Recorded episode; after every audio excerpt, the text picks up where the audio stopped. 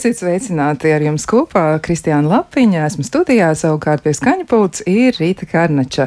E, šodien mēs turpināsim tematu, ko iesākām iepriekš, un klausītājiem arī nu, šajā situācijā tomēr gribētu atgādināt, ka tas ir raidījums, kurš skanēja 27. oktobrī 2022. gadā. Tātad, e, ja jūs vēlaties iegūt informāciju par to, ar ko mēs sākām tematu un e, par ko mēs runājām, proti, mēs runājām par to, kā apsteigt zemes kakla vēzi, un arī šodien mēs par to runāsim, lūdzu sameklējiet raidījumu arhīvos, eh, jeb pareizāk sakot, Latvijas rādio Mājaslapā atrodiet arhīva sadaļu un atrodiet šo raidījumu, ja jūs interesē sarunas sākuma daļa. Tas ir diezgan svarīgi, patiesībā ļoti svarīgi, jo tur ir tādi jautājumi, kas tika uzdoti un arī tāds ļoti vērtīgs atbildes, eh, ko arī klausītāji saņēma no studijas ekspertiem. Un šodien arī gribu atgādināt, ka mums ir tiešām mm, ļoti, ļoti būtiski jautājumi risinām, un mēs turpināsim sarunu ar nu, to, kur mēs esam palikuši iepriekš, un mēģināsim arī tos jautājumus, uz kuriem mums neizdevās atbildēt pagājušajā reizē, uz tiem mēs mēģināsim atbildēt šodien. Bet, eh, klausītājiem vēl gribu atgādināt, tātad saruna būs par dzemdas kaklu vēzi un ar Nu, par visām tām lietām, kas ar to ir saistīts. Un uh, vēl gribu arī uh, uzreiz iepazīstināt ar studijas viesņām, un tās ir tātad medicīnas doktora ginekoloģa Jāna Žodžika, kura uh, darbojas arī Rīgas Austrum Klīniskās universitātes slimnīcas ginekoloģijas klīnikā. Sveicināti! Labrīt! Un vēl gribu arī piebilst, jā, Rīgas Tradiņu universitātes docenti, tā kā nu, arī studenti var Un profesori, jā, arī to man, to man arī noteikti ir jāpasaka. Tieši tā, profesori, profesori. Man kaut kā gribējās mm, pateikt visu, bet redz, kā tomēr pietrūka viens, viens būtisks aspekts. Ja tā tad profesori Jāna Žodžika, un uh, mēs noteikti arī profesorai uzdosim ļoti daudz dažādas jautājumus. Savukārt uh, otra viesņa ir uh, arī mm, ginekoloģija, onkoginekoloģija, kas ir ļoti svarīga. Tā ir Arta Spridzāne, un Arta Spridzānei arī ir nu, tieši tāpat arī aktīva darbība Rīgas Austrum Klīniskās universitātes slimnīcā, un ne tikai tur, bet, nu, un arī uh, Arts Spridzāne ir medicīnas doktore, un uh, tiešām, nu, es domāju, ka ļoti, ļoti daudzas lietas mums izskaidros, ja kas, ko un kā.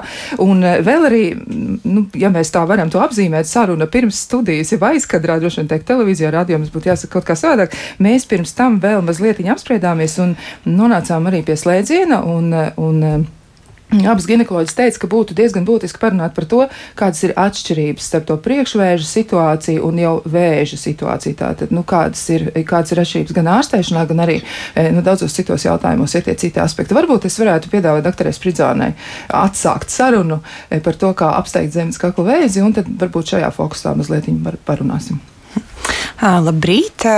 Jā, tā tad atšķirība ir gana būtiska. Vai šī saslimšana tiek atklāta priekšvēju stadijā vai jau, kā mēs to saucam, invazīva vēža stadijā. Un turklāt arī, ja ir atklāta vēža stadijā, arī šajā aspektā ļoti būtiski, kādā stadijā saslimšana tiek atklāta. Protams, jo agrīnāk, jo prognozes un ārstēšanas iespējas ir gan saudzīgākas, gan arī plašāks pacientam. Tātad runājot par priekšvēža stāvokļiem. Šie stāvokļi iedalās vairākās pakāpēs. Tātad vieglas pakāpes, vidējas pakāpes un smagas pakāpes priekšvēju pārmaiņas. Un katrām no šīm pārmaiņām arī tiek pielāgota ārstēšana, jeb novērošana. Ja pacientē tiek atklātas smagas priekšvēju pārmaiņas, tad ārstēšana ir samērā Vienkārši tā ir tā saucamā dzemdas kakla elektroekscīzija, kuras laikā saglabājot dzemdas kaklu, tiek ekscidēti šie bojātie audi. Un turklāt šī procedūra tiek veikta kolposkopijas kontrolē kas ir vienkāršiem vārdiem runājot, mikroskopu kontrolē, lai maksimāli saglabātu dzemdas kaklu un lai šī procedūra būtu maksimāli saudzīga, bet reizē arī radikāla kas ļauj pēc šīs procedūras sievietei turpināt pilnvērtīgu dzīvi, plānot pēcnācējus un bez ļoti augsta riska arī iznēsāt grūtniecību. Savukārt, ja mēs runājam par jau invazīvu dzemdas kakla vēzi, tad, kad, tā tad, kā jau es ieskicēju iepriekš, ļoti būtiski ir kādā stadijā. Un šeit milimetriem ir nozīme. Ja mēs runājam par ļoti, ļoti niecīgu vēzi, kas ir līdz 5 mm, tad ārstēšana var būt līdzīga, kā minēju iepriekš, kā priekšvēršu stāvokļiem, taču līdz ko audzējs jau ir lielāks izmēros, vai tas jau ir izplatījies uz blakus esošajām struktūrām, orgāniem vai limfmezgliem vai attāli, tad ārstēšana kļūst daudz radikālāka. Un šeit mēs runājam par radikālu un arī traumatiskām operācijām. Ja audzējs jau ir izplatījies, tad pacientiem tiek piedāvāta kombinēta staru ķīmijterapija. Un jo augstāka šī pakāpe, jo vairāk metodas mēs pielietojam, jāsaprot arī, ka komplikāciju risks, dzīves kvalitātes risks, dzīves kvalitātes jautājumi, tas, tas viss ievērojami mainās. Jā, tā noteikti ir. Varbūt profesor Žoģika kaut ko vēl varētu arī piebilst par priekšvēžu. Jā, es, es tiešām gribētu akcentēt, ka dzemdas kakla vēzis ir gandrīz visos gadījumos teorētiski novēršams. Uh, un uh, ir mums efektīvs līdzekļi, kā to izdarīt. Pirmām kārtām tā ir aizsardzība pret ierosinātāju cilvēku papilomas vīrusu, veicot vakcināciju pret šo izraisītāju. Un otrām kārtām tā ir skrīninga programma, kad mēs meklējam agrīnās šīs pirmsvēža izmaiņas. Un tās likvidējot, mēs novēršam turpmākas izmaiņas šūnās. To ir būtiski saprast.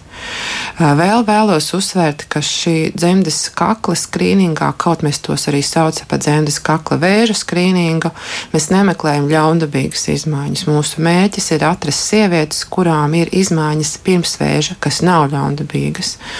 Un pie zināmām situācijām, novēršot šīs ļaun, pirm, pirmsvēža izmaiņas, mēs palīdzam izvairīties sievietē no onkoloģiskas dzemdes kakla patoloģijas. To ir ļoti svarīgi saprast. Un kā jau dr. Spridzāna minēja, eh, šīs pirmsvēža izmaiņas ir eh, dažādās smaguma pakāpēs. Eh, tās mēs arī saucam vēl par displāziju vai saīsinājumā no trijiem vārdiem cervikāla intraepiteliāla neaplāzija par cinu un iedala trijās pakāpēs. Un šeit es gribu akcentēt vieglas pakāpes, jeb cina viena izmaiņas ir samērā bieži sastopamas īpaši vecuma grupā, kas ir jaunākas gados sievietes. Šīs izmaiņas ir saistītas ar cilvēku papilomas vīrusu infekciju un ļoti bieži saistītas ar pārējošu infekciju, kurai nav paliekošas sekas, tāpēc ļoti bieži cīna viens mēs novērojam un organisma imūnā sistēma cīnoties ar vīrusu, atbrīvojot sievietes ķermeni no vīrusu, un šīs izmaiņas ar lielu varbūtību, kur 60% arī pāriet. Savukārt, ja ir vidējas vai izteiktas pirmsvēža izmaiņas, tām ir lielāks potenciāls pasliktināties, tāpēc tās tiek likvidētas lūk ar šo nelielā gabaliņa ekscīziju, jeb izņemšanu. Patiesībā sakot, šī procedūra ir ātra, vienkārša. 80% gadījumu uh, to veids vietējā anestēzijā. Tas ir aptuveni tā kā aiziet pie zobārsta, izlabot zobu. Vietējā anestēzijā līdzīgi tā procedūra pēc sajūtām un anestēzijas vielām ir arī šī dzemdas mazā gabaliņa izņemšana. Tomēr tas, tas, tas, tas ar 90% varbūt palīdz atbrīvoties no šī bojājuma, neietekmē spēju palikt stāvoklī, bet nedaudz tomēr palielina priekšlaicīgu dzemdību risku. Ko tas nozīmē, ja vidēji Latvijā pirms laika no 100 grūtniecēm dzemdē pirms laika 5, tad pēc šādām operācijām tas risks būs 8 no 100, kas nav liels riska pieaugums, bet tomēr. Tāpēc maksimāli, protams, būtu jāakcentē šīs primārās profilakses nozīme, vakcinācijas nozīme, lai mēs samazinātu arī to iespēju, ka arī šī salīdzinoši vienkāršā manipulācija tomēr nebūtu veicama. To es arī vēlētos uh, akcentēt.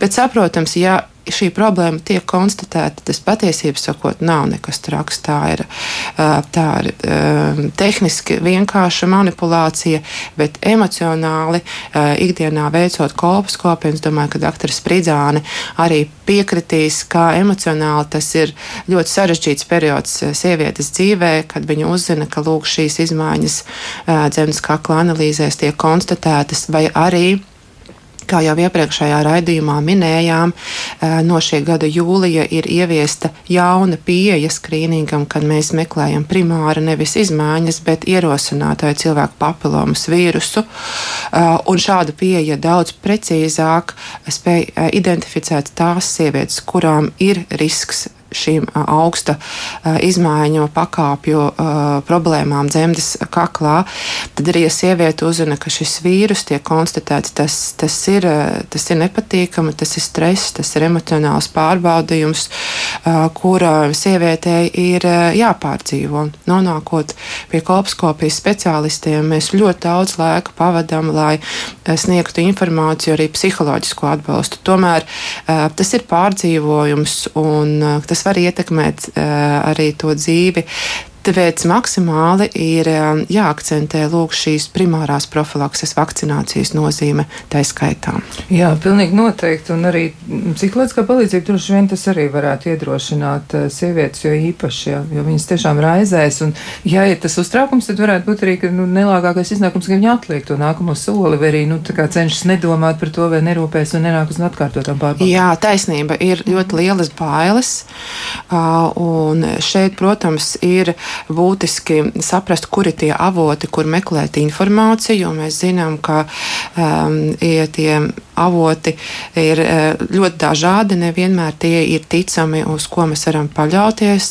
Uh, tāpēc, ja ir kāda uh, nepieciešama informācija, tad ir Latvijas kolposkopijas biedrībai mājaslapa kolposkopija.lv, kur ir sarakstīta informācija par kolposkopiju, arī slimības profilakses un kontrolas centrā ir veltīta sniegta pietiekoša mājaslapā informācija arī par cilvēku papilomas vīrusu, tā izraisītām uh, slimībām un arī profilaksu. Lūk, šie ir avoti, kur smelties pirmo ieskatu uh, problēmā. Ja sievietei nākas ar tādu sastapties, bet noteikti arī dodoties, lūk, tas tā ķēdīt ir sekojoša, ja ir konstatētas aizdomas, ka ir pirmsvēža izmaiņas, tad sievietei jādodas ir uh, precizēt situāciju uh, pie speciālista, ko sauc par kolposkopijas speciālistu. Tad, citiem vārdiem sakot, tad, ja Sievietē mēs jau runājām pagājušā rādījumā, no 25 līdz 30 gadiem tiek veikta šī skrīninga analīze citoloģija.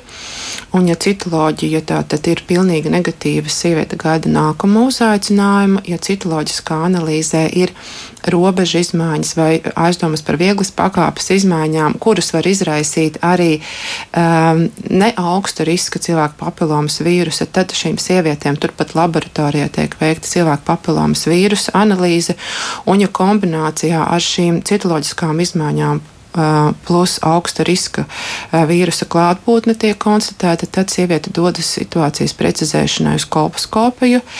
Ja savukārt citoloģijā jau ir aizdomas par augsta riska izmaiņām, tad sievietei bez kādiem papildus izmeklējumiem jādodas uz kolposkopiju.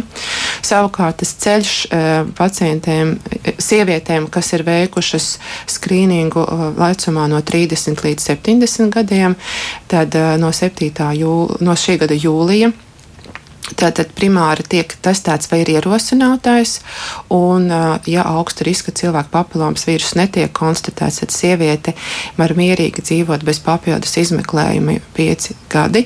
Tāpēc, ka ja nav slikto vīrusu, tad arī nav potenciāls rasties ļaundabīgām izmaiņām. Savukārt, ja tiek konstatēts cilvēku papilomas vīrus, gribu akcentēt, ka cilvēku papilomas vīrusa infekcija dzemdes kaklā pati pa sevi vēl automātiski nenozīmē, ka ir problēma problēma.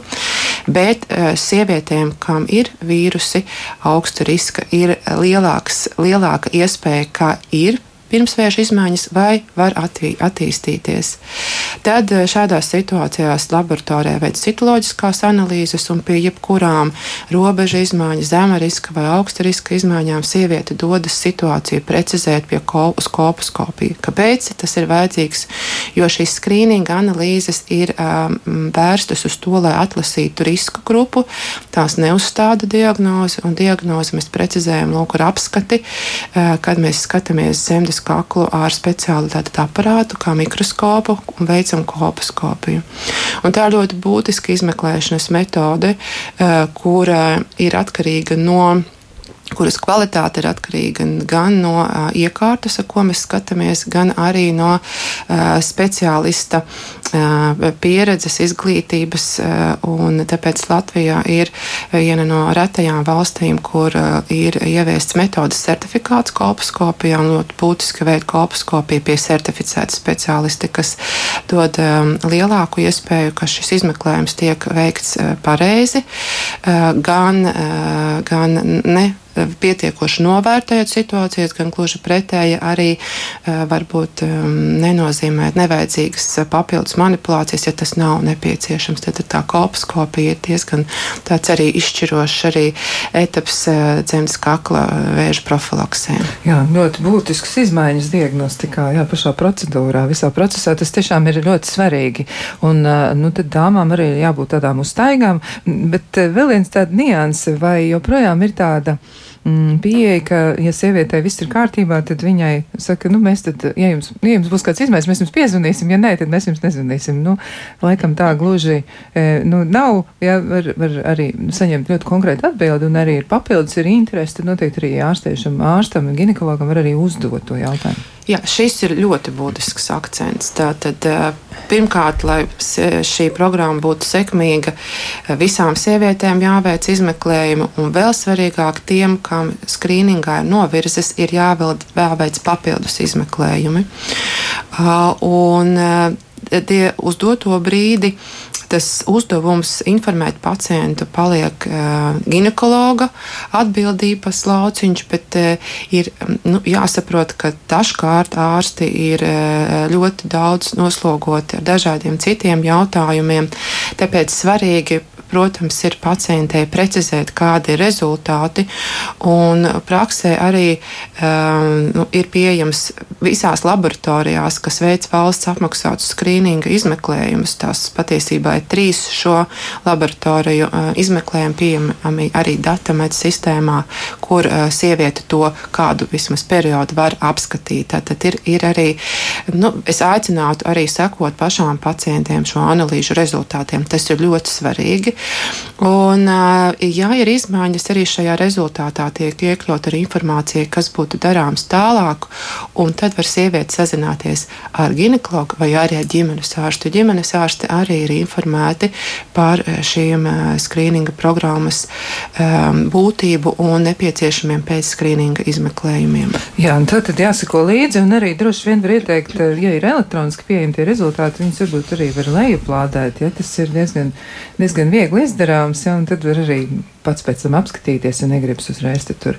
Doktorēs Fridzāne arī, kas piebilstams noteikti. Ir. Jā, es pievienojos visam jau iepriekš teiktajam, un tik tiešām ļoti, ļoti aicinātu sievietes arī pašām būt līdz atbildīgām par šiem te rezultātiem.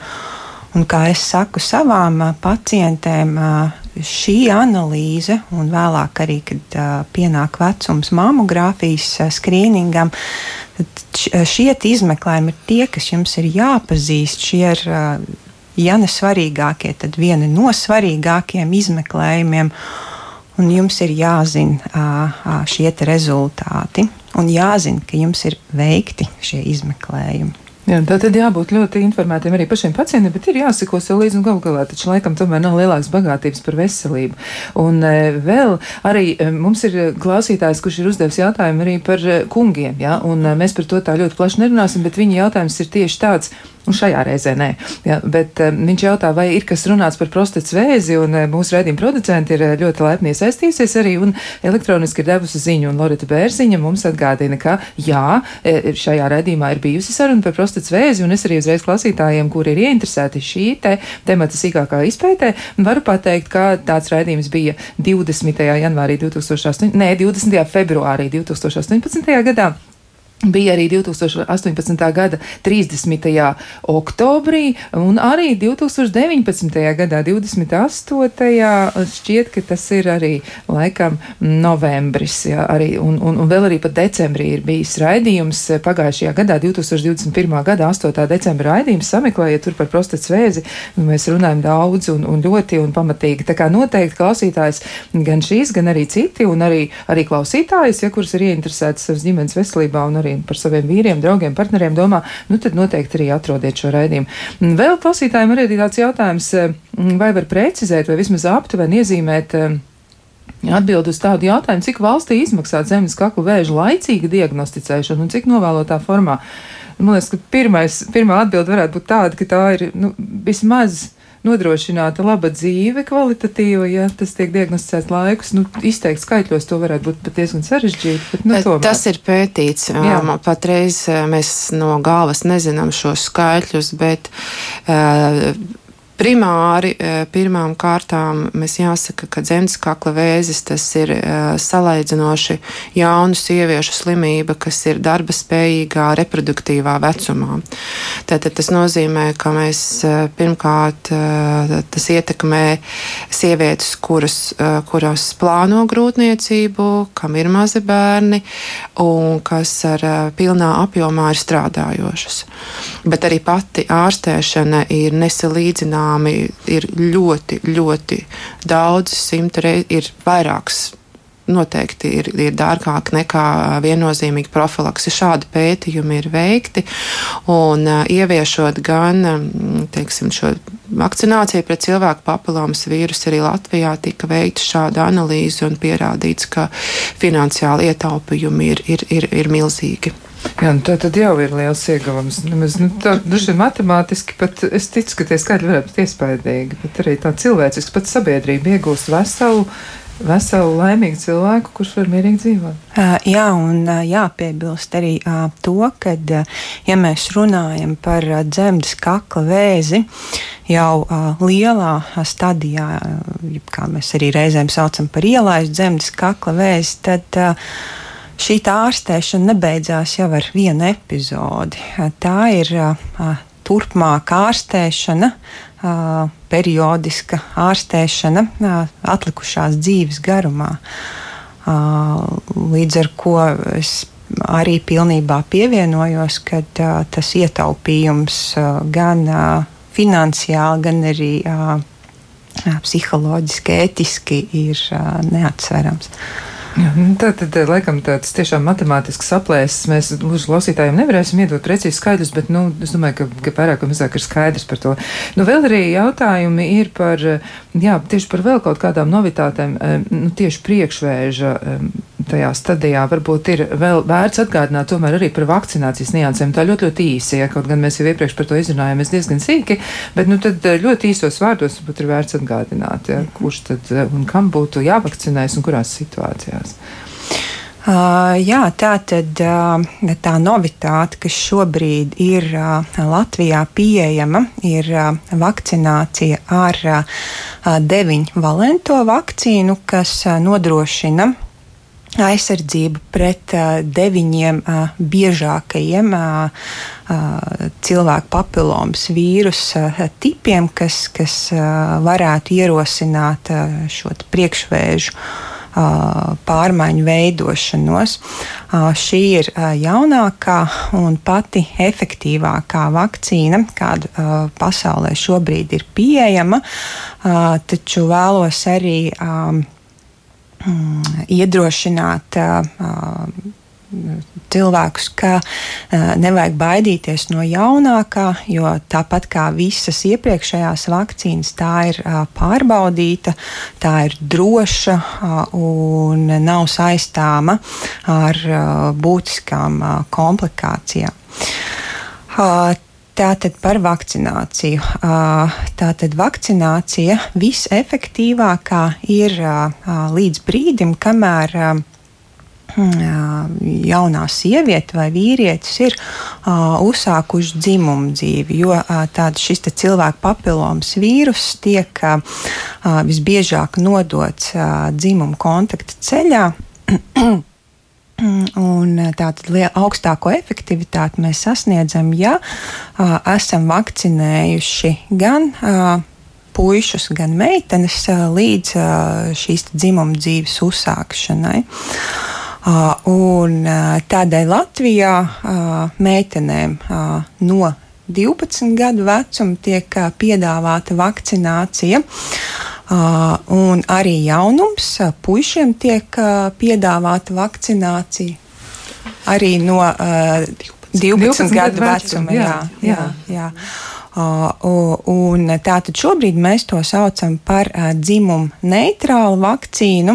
Un kādēļ ir abiem būtiski vakcinēties? Tādēļ, ka šis vīrus rada šīs pārmaiņas ne tikai sievietēm dzemdas kaklā, bet arī uh, daudz kur citur, kur ir līdzīgs epitēlijs, ja pārklājums, tātad tas var būt balsenē, rīklē, arī uz vīriešu dzimumu orgāniem. Jā.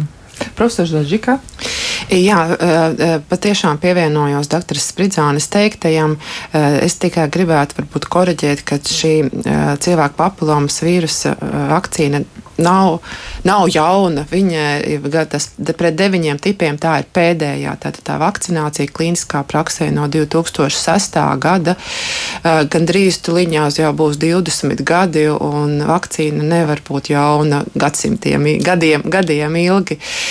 Ir miljoniem cilvēku izvakcinēti, ir dati no Zviedrijas, kā vakcinēto meiteņu populācijā dzemdes kakla vēzi reizi faktiski neatrod, uh, ir visas autoritīvās organizācijas, gan Pasaules veselības organizācija, gan Eiropas zāļu aģentūra ir jau daudzus gadus atpakaļ atzinušas, ka tā ir, tā ir droša, ka tā ir droša vakcīna, un šo vakcināciju veids ģimenes ārsti, un ģimenes ārstiem, pie ģimenes ārstiem var vērsties ar, ar jautājumu, kā šo vakcināciju var veikt, ja tas līdz šim nav nav izdarīts. Patiešām tas, kas ir lielākais jaunums, ka no šī gada vakcinēja Latvijā arī pusauģu zēnus no, no 12 gadiem, tāpat kā meitenes no 12 līdz vismaz 18 gadiem Latvijā, kā tas tiek darīts, tiek vakcinēts. Līdzīgi vajadzētu būt zēniem, bet, diemžēl, uz doto brīdi valsts ir piešķīrusi finansējumu zēnu vakcināciju tikai līdz 14 gadiem, kas, jāsaka, nav godīgi. Es ļoti arī tie dažādas Latvijas medicīnas organizācijas, kas iesaistītas, um, nu, teiksim, zemes kakla vēža profilaksē, gatavo vēstuli atbildīgām institūcijām, ministrijām, lai tomēr atrastu budžetā finansējumu, lai varētu vakcinēt arī zēnus līdz 18 gadiem, nu, tādā zināmā mērā, lai nebūtu nu, diskriminācija, es gribētu teikt. Nu, jā, tieši tā. Es ļoti ceru, ka šī vēstule sasniegs dzirdīgas ausis un, un tas tie, tie, tie nav tie tik milzīgi tie izdevumi, kurus, kurus, kurus nevarētu atļauties. Kā jau mēs runājām, arī eh, zēniem, eh, arī vīriešiem var būt cilvēku papilomas vīrusu izraisītas problēmas. Tas ir rīklis, rīklis mutes vēzis, tas ir dzimuma locekļu vēzis, anālā apvidus vēzi, un, un arī vīrieši piedalās šī cilvēka papilomas vīrusu izplatībā, kā mēs minējām, tā ir seksuāli transmisīva infekcija. Tas ir ļoti būtiski, un šeit es gribu akcentēt ģimenes ārstu prakšu, ģimenes ārstu, ģimenes ārstu māsiņu nozīme arī šajā procesā, un gribu dalīties ar savu ļoti labu pieredzi, kad vasarā apmeklējam savu ģimenes ārstu ārsta profilaktiskai apskatēji, un māsiņa veicot man elektrokardiogrammu, teica, Nu, kā tad būs, vai tad jūs savu puisi vakcinēsiet? Un tad es sapratu, protams, es, es bez šābām viņam ir 12 gadi. Es noteikti taisījos to veikt, bet kaut kā ar, ar Covid, ar visu pārējo, es biju piemirsusi. Nu, tātad, ja es, kurš visnotaļ ir šajā jomā iesaistīts, piemirst arī jebkura cita sieviete ģimene, to var aizmirst. Un šis, šis atgādinājums, starp citu, es domāju, gan um, nu, es tiešām vēršos pie ģimenes ārstu māsiņām, kas dara ļoti labu, ļoti lielu darbu, un paldies par darbu, ko viņas veids, bet šie jautājumi Vai tad jūs, kad tad jūs tad meitu vakcinēsiet, kad vakcinēsiet dēlu, kad tad jūs tad veiksiet to mamogrāfiju, vai kad tad varbūt to skrīningu uztaisīsiet. Tas vienkārši sievietēm atgādina, ka tas starp daudziem, daudziem citiem pienākumiem arī šīm lietām ir jāpievērš uzmanība. Jā, ļoti svarīgas lietas jūs šobrīd stāstāt, un klausītājiem ļoti, ļoti būtiski būtu to paturēt prātā. Mums ir vēl daudz dažādu jautājumu, mēs arī mēģināsim uz visiem tiem atbildēt, bet šis ir tas mirklis, kad mēs varam nedaudz atvilkt telpu. Kā labāk dzīvot? Turpinām sarunu par to, kā apsteigt zemes kakla vēzi un kas mums būtu jādara, eh, lai mums tas izdotos. Un atgādināšu arī par viešņām. Pie mums šodien ir profesora ginekoloģe Jāna Žodžika, un eh, pie mums vēl ir arī onkoginekoloģe eh, Pridzāne, un abas medicīnas doktoras arī ir tiešām tādas nu, ļoti labi ekipētas arī dažādos jautājumos, kas klausītājiem tad birst kā no pārpilnības raga. Tāpēc arī, ticiet man, atbildes saņemsiet, un tūliņ arī mēs te ķeramies klāt pie pārējiem jautājumiem. Nu, lūk, ir ir arī tāds jautājums, kas ir svarīgs, ja, ko mēs varētu uzdot. Tā tad eh, klausītājs arī mums ir deleģējis šīs tiesības, un eh, viņš raksta tā, eh, lūdzu, labāk pastāstiet, ka arī vīriešiem vajag doties pie venerologa un ņemt šīs cilvēku papillomas vīrusu analīzes. Visi iespringst uz seksuāli transmisīvām slimībām, hepatītu, ja HIV analīzēm, bet ja kāds man būtu laicīgi pateicis, ka jāveic vēl atsevišķa analīze uz cilvēku papillomas vīrusu, tad tagad varbūt būtu aiztaupījis pārdzīvojums sievai. Un vēl jautājums ginekoloģiem. Sievas ginekoloģija apgalvo, ka tikai seksuālajā ceļā sieva varēja iegūt šo te HPV 16, ja tad viņš skaidri min, kā saka, vīrusu vārdu un uzvārdu, jā, bet mēs abi skaidri zinām, ka mums tā dzimuma dzīve ir bijusi tikai savstarpēja, un līdz ar to vai sievas ginekoloģija ir taisnība, vai tomēr šo vīrusu varēja iegūt arī kā citādāk, vai ir kādi varianti? Jā, paldies par jautājumu un, un šī virziena aktualizēšanu, jo tiešām cilvēku papilomas vīrus var darīt arī kaitējumu vīriešiem. Tomēr jāsaka, ka cilvēku papilomas vīrusu testēšana vīriešiem rutīna parasti ikdienā neveids, jo šī vīrusa noteikšanai testi nav pilnībā vēl pielāgoti tie paši, kas ir sievietēm.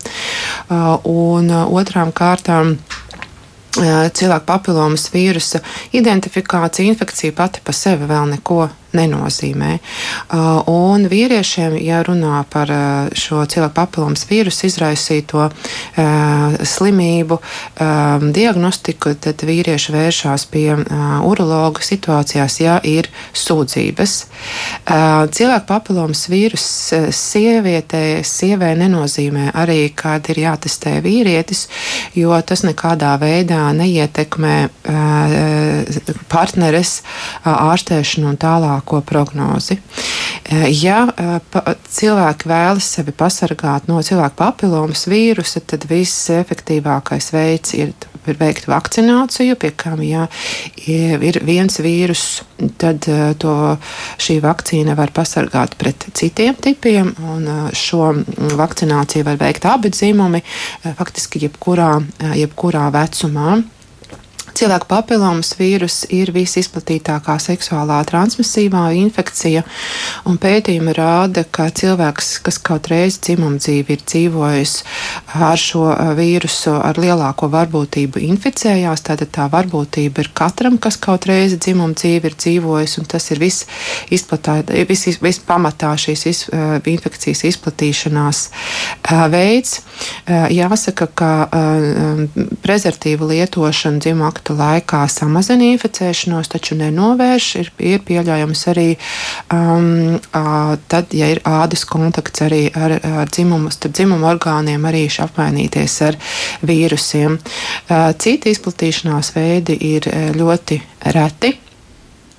Tas var būt tā saucamā autoinokulācija ar vīrusu vienā vietā, tad ar, ar pirkstiem to var pārnest uz, uz, uz citu vietu. Ļoti reti tas tiek nodots dzemdību laikā, un vēl retāk tas ir no, no, no kādām virsmā medicīnas ierīcēm. Tas ir ārkārtīgi reti. Tad pamatā ir šis seksuāli transmisīvais infekcijas izplatīšanās veids, un vīrus var gadiem sēdēt organismā un, un neizpausties. Jā, bet vīriešiem profilaktiski cilvēku papilomas vīrusa testēšana nav nepieciešama. Jā, nu arī šis pat klausītājs vēl tādu precizējumu arī aicina mums sniegt, vai varbūt tā, ka šis vīrus, nu, KPV 16 daudz gadus kādā no mums būtu snaudis, jā, un tādā stadijā, ka līdz šim ginekoloģiskās pārbaudēs tas nav uzrādījies. Jā, jā bez, bez, bez, jā, bez šaubām tā, tā tas ir iespējams, un varbūt, ka visu dzīvi šis vīrus atrodas un nekādas izpausmes arī nerada, bet pēc kāda laika tas var parādīties. Jāsaka, ka šī cilvēka papilomas vīrusa tāda intensīva testēšana sākusies ir uh, no šī gada jūlija. Uh, iepriekšējā gadā mums ir bijis pētījums arī sievietēm, kur iesaistījām sievietes, kas vēršas gan pie ģimenes ārstiem, gan arī kolposkopijas pieņemšanās, un um, ir izpētīts, ka 10% Latvijas sieviešu ir uh, cilvēku papilomas vīrusu augsta riska dzemdas kaklā, taču tas nebūtu nenozīmē, ka visām šīm sievietēm ir, ir arī radīsies atbilstošas šūnu izmaiņas. Jā, nu vēl arī par vakcināciju tāds ļoti nu, tāds būtisks jautājums, kur vakcinācija var veikt un kā tā tiek izdarīta. Ja? Nu, tad turbūt arī precizēja dr. Spridzāna varētu to. Jā, tā tad, ja mēs runājam par meiteņu un zēnu grupu, kas ir valsts apmaksātā vakcinācija, tad šo vakcināciju veids pie ģimenes ārsta. Vakcīna, kā jau iepriekš vienojāmies, nav jauna, tā ir pārbaudīta, droša. Un vakcināciju, tāpat kā lielāko daļu mums jau zināmo vakcīnu, vakcīnu veids ar injekciju muskulī. Parasti tas ir augšdevums. Un šī vakcinācija arī, ja vakcīna neatšķirās no lielākās daļas vakcīnu, nerad, nerad, nerada kādus nopietnus blakus efektus. Biežākais, kas, kas varētu būt piedzīvojams, ir nelielas sāpes injekcijas vietā kas pēc dienas divām pāriet.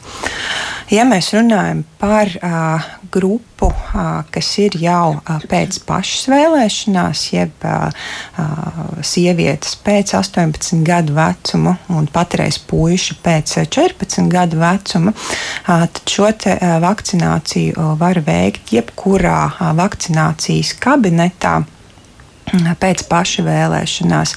Arī šai uh, pacientu grupai uh, vakcīna ir droša, uh, taču tā jārēķinās nebūs tik efektīva, kā ja to veids. Pirms dzimuma dzīves uzsākšanas. Jā, nu tad arī tāds jautājums, vai sievietē pēc 40 ieteicams, ieteicams vakcinēties, ja analīzēs ir konstatēts, ka nav papilāms vīrusu klātbūtnes. Ja? Noteikti var vakcinēties, bet jāatcerās to, ka ja sieviete veiks šo vakcināciju, tas nenozīmēs, ka viņa var neturpināt dalību skrīningu programmā. Ir ļoti būtiski tātad turpināt dalību skrīningu programmā un atsaukties kārtējam nākamajam aicinājumam pārbaudīties.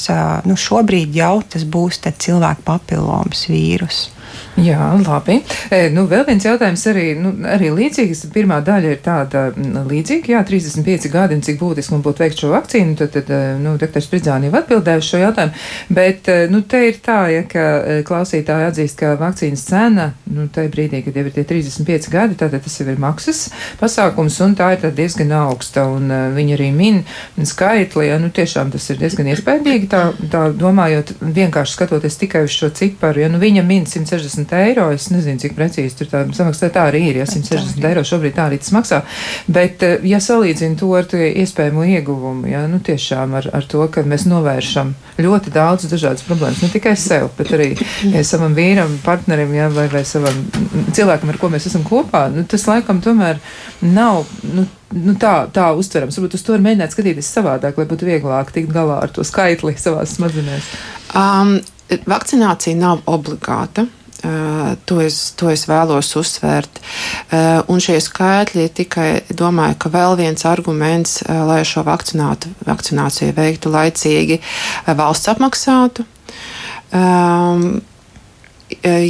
Vai ir obligāti jāveic 35 gados eh, tādas rekomendācijas patreiz nepastāv? Noteikti jāpiedalās skrīninga programmā, eh, kas ir arī valsts apmaksāta.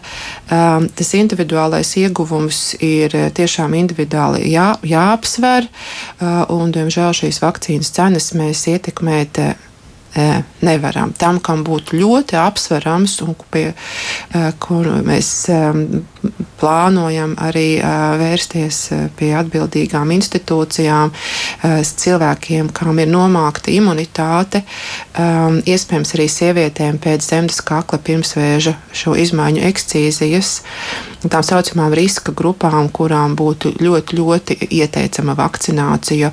Un mēs plānojam uz, nu, vērsties pie atbildīgām institūcijām ar, ar, ar, ar izskatīt kaut kādu iespēju arī piešķirt šo valsts apmaksātu vakcināciju. Tās ir pirmām kārtām sievietes ar HIV infekciju, kas dzīvo Tās ir sievietes, kas lieto imunitāti nomācošos medikamentus, piemēram, metotreksātu. Tās ir sievietes un arī vīrieši. Es atvainojos, ka es diskriminēju abus dzimumus.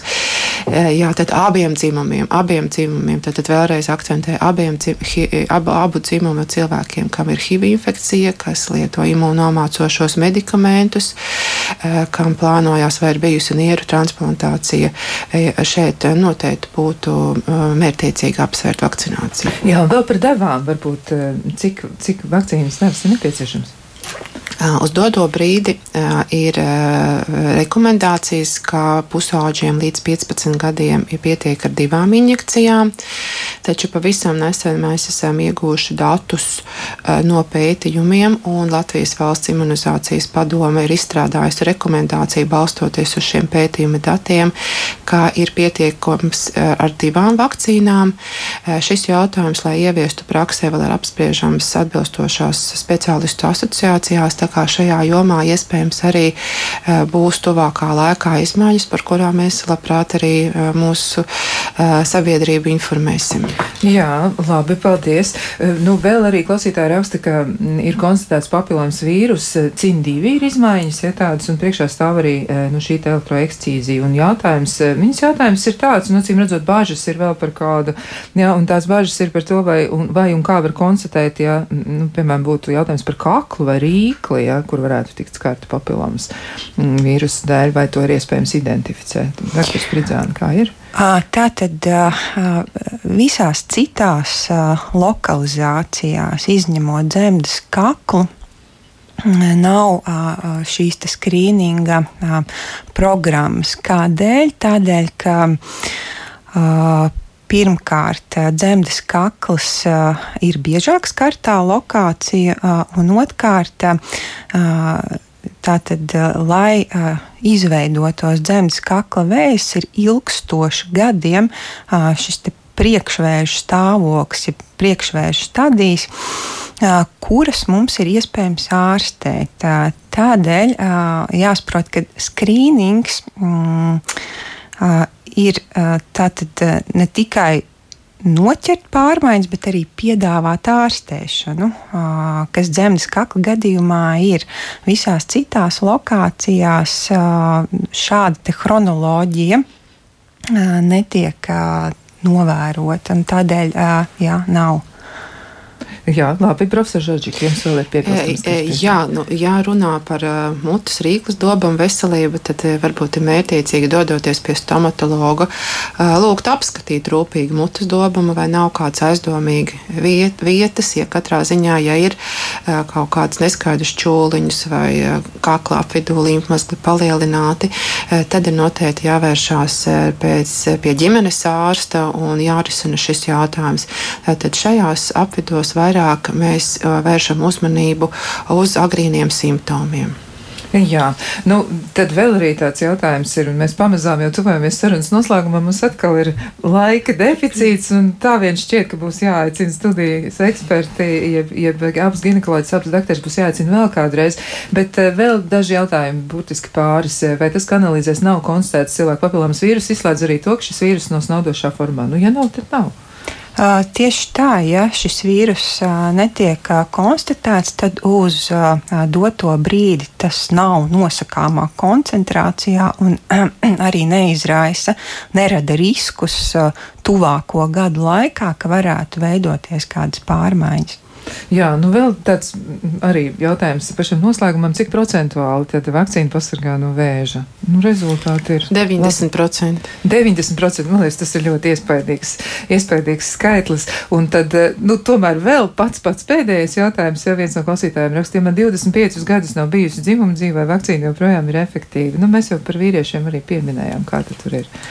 Ja tad, uh... Jā, jeb, jeb abiem, abiem dzimumiem, un uh, esmu dzirdējis tādu mūsu samulsumu, mēs iz, izteicienos, ka ir dzimuma neitrāli. Tas, tas nozīmē, ka ir abu dzimuma, tātad abu dzimuma vakcinācija, jebkurā, jebkurā vecumā uh, palīdz inficēties, cilvēku, palīdz pasargāt no inficēšanās ar cilvēku papilomas vīrusu un arī izraisītām slimībām. Jā, nu, un tomēr vēl tad Nu, bet šis gan pats pēdējais jautājums, un tas ir svarīgi. Ja klausītāji eh, jautā tā no 2018. gada, neesmu saņēmusi nosūtījumu uz zemes kakla skrīningu. Viņa ir dzimusi 75. gadā, tātad 1975 ir viņas eh, dzimšanas gads. Gaidīt nākošo nosūtījumu, vai arī kur varētu tomēr to dabūt, nevajag gaidīt. Vajag... Noteikti ne, negaidiet. Lūdzu, Jā. Eh, dodieties pie ģimenes ārsta, lūdzu ģimenes ārsta māsiņai. Viņa var atjaunot šo uzaicinājumu, un lielākā daļa arī valsts ginekologiem ir pieejama šāda informācija informācija, vai arī vēršaties Nacionālā veselības dienestā, nu, tas ir steidzīgi, tas vēl šogad jāveic. Vēl šogad jāveic tāda laba dāvana pašai sev, jo mēs ticam, ka rezultāts būs tāds, ka nebūs tur nekāda pārmaiņa, bet izdarīt to vajag. Un lūk, jā, ir arī citi cilvēki, kas to ir izdarījuši, un viena no klausītājiem raksta, man ir 14, 12 gadus vecs meitas, un abas ir vakcinētas. Lielisks rezultāts. Tieši tā arī jāturpina. Tā tad būs divas laimīgas jaukundzes, un ir jau šobrīd, un arī ļoti, ļoti laimīga mamma, viss kārtībā. Saku paldies šajā brīdī profesorai profesorai, medicīnas doktorai, ginekoloģijai Janai Žoģikai un arī onkoginekoloģijai, medicīnas doktorai Artai Spridzānai. E, un klausītājiem savukārt mēs varam teikt, mēģiniet tomēr domāt vairāk par sevi, rūpēties par savu veselību, un viss tad tiešām būs, būs tā, kā tam jābūt, viss būs labi. Rīt, rīt būs jau cita diena, un rīt klausieties, kas būs rīt, jo rīt jau tā diena būs mazliet savādāka nekā tā ir šodien. Rīt ir svarīgi svētki, un svinēsim tos visus kopā, lai jums tiešām labi klājas. Visu labu!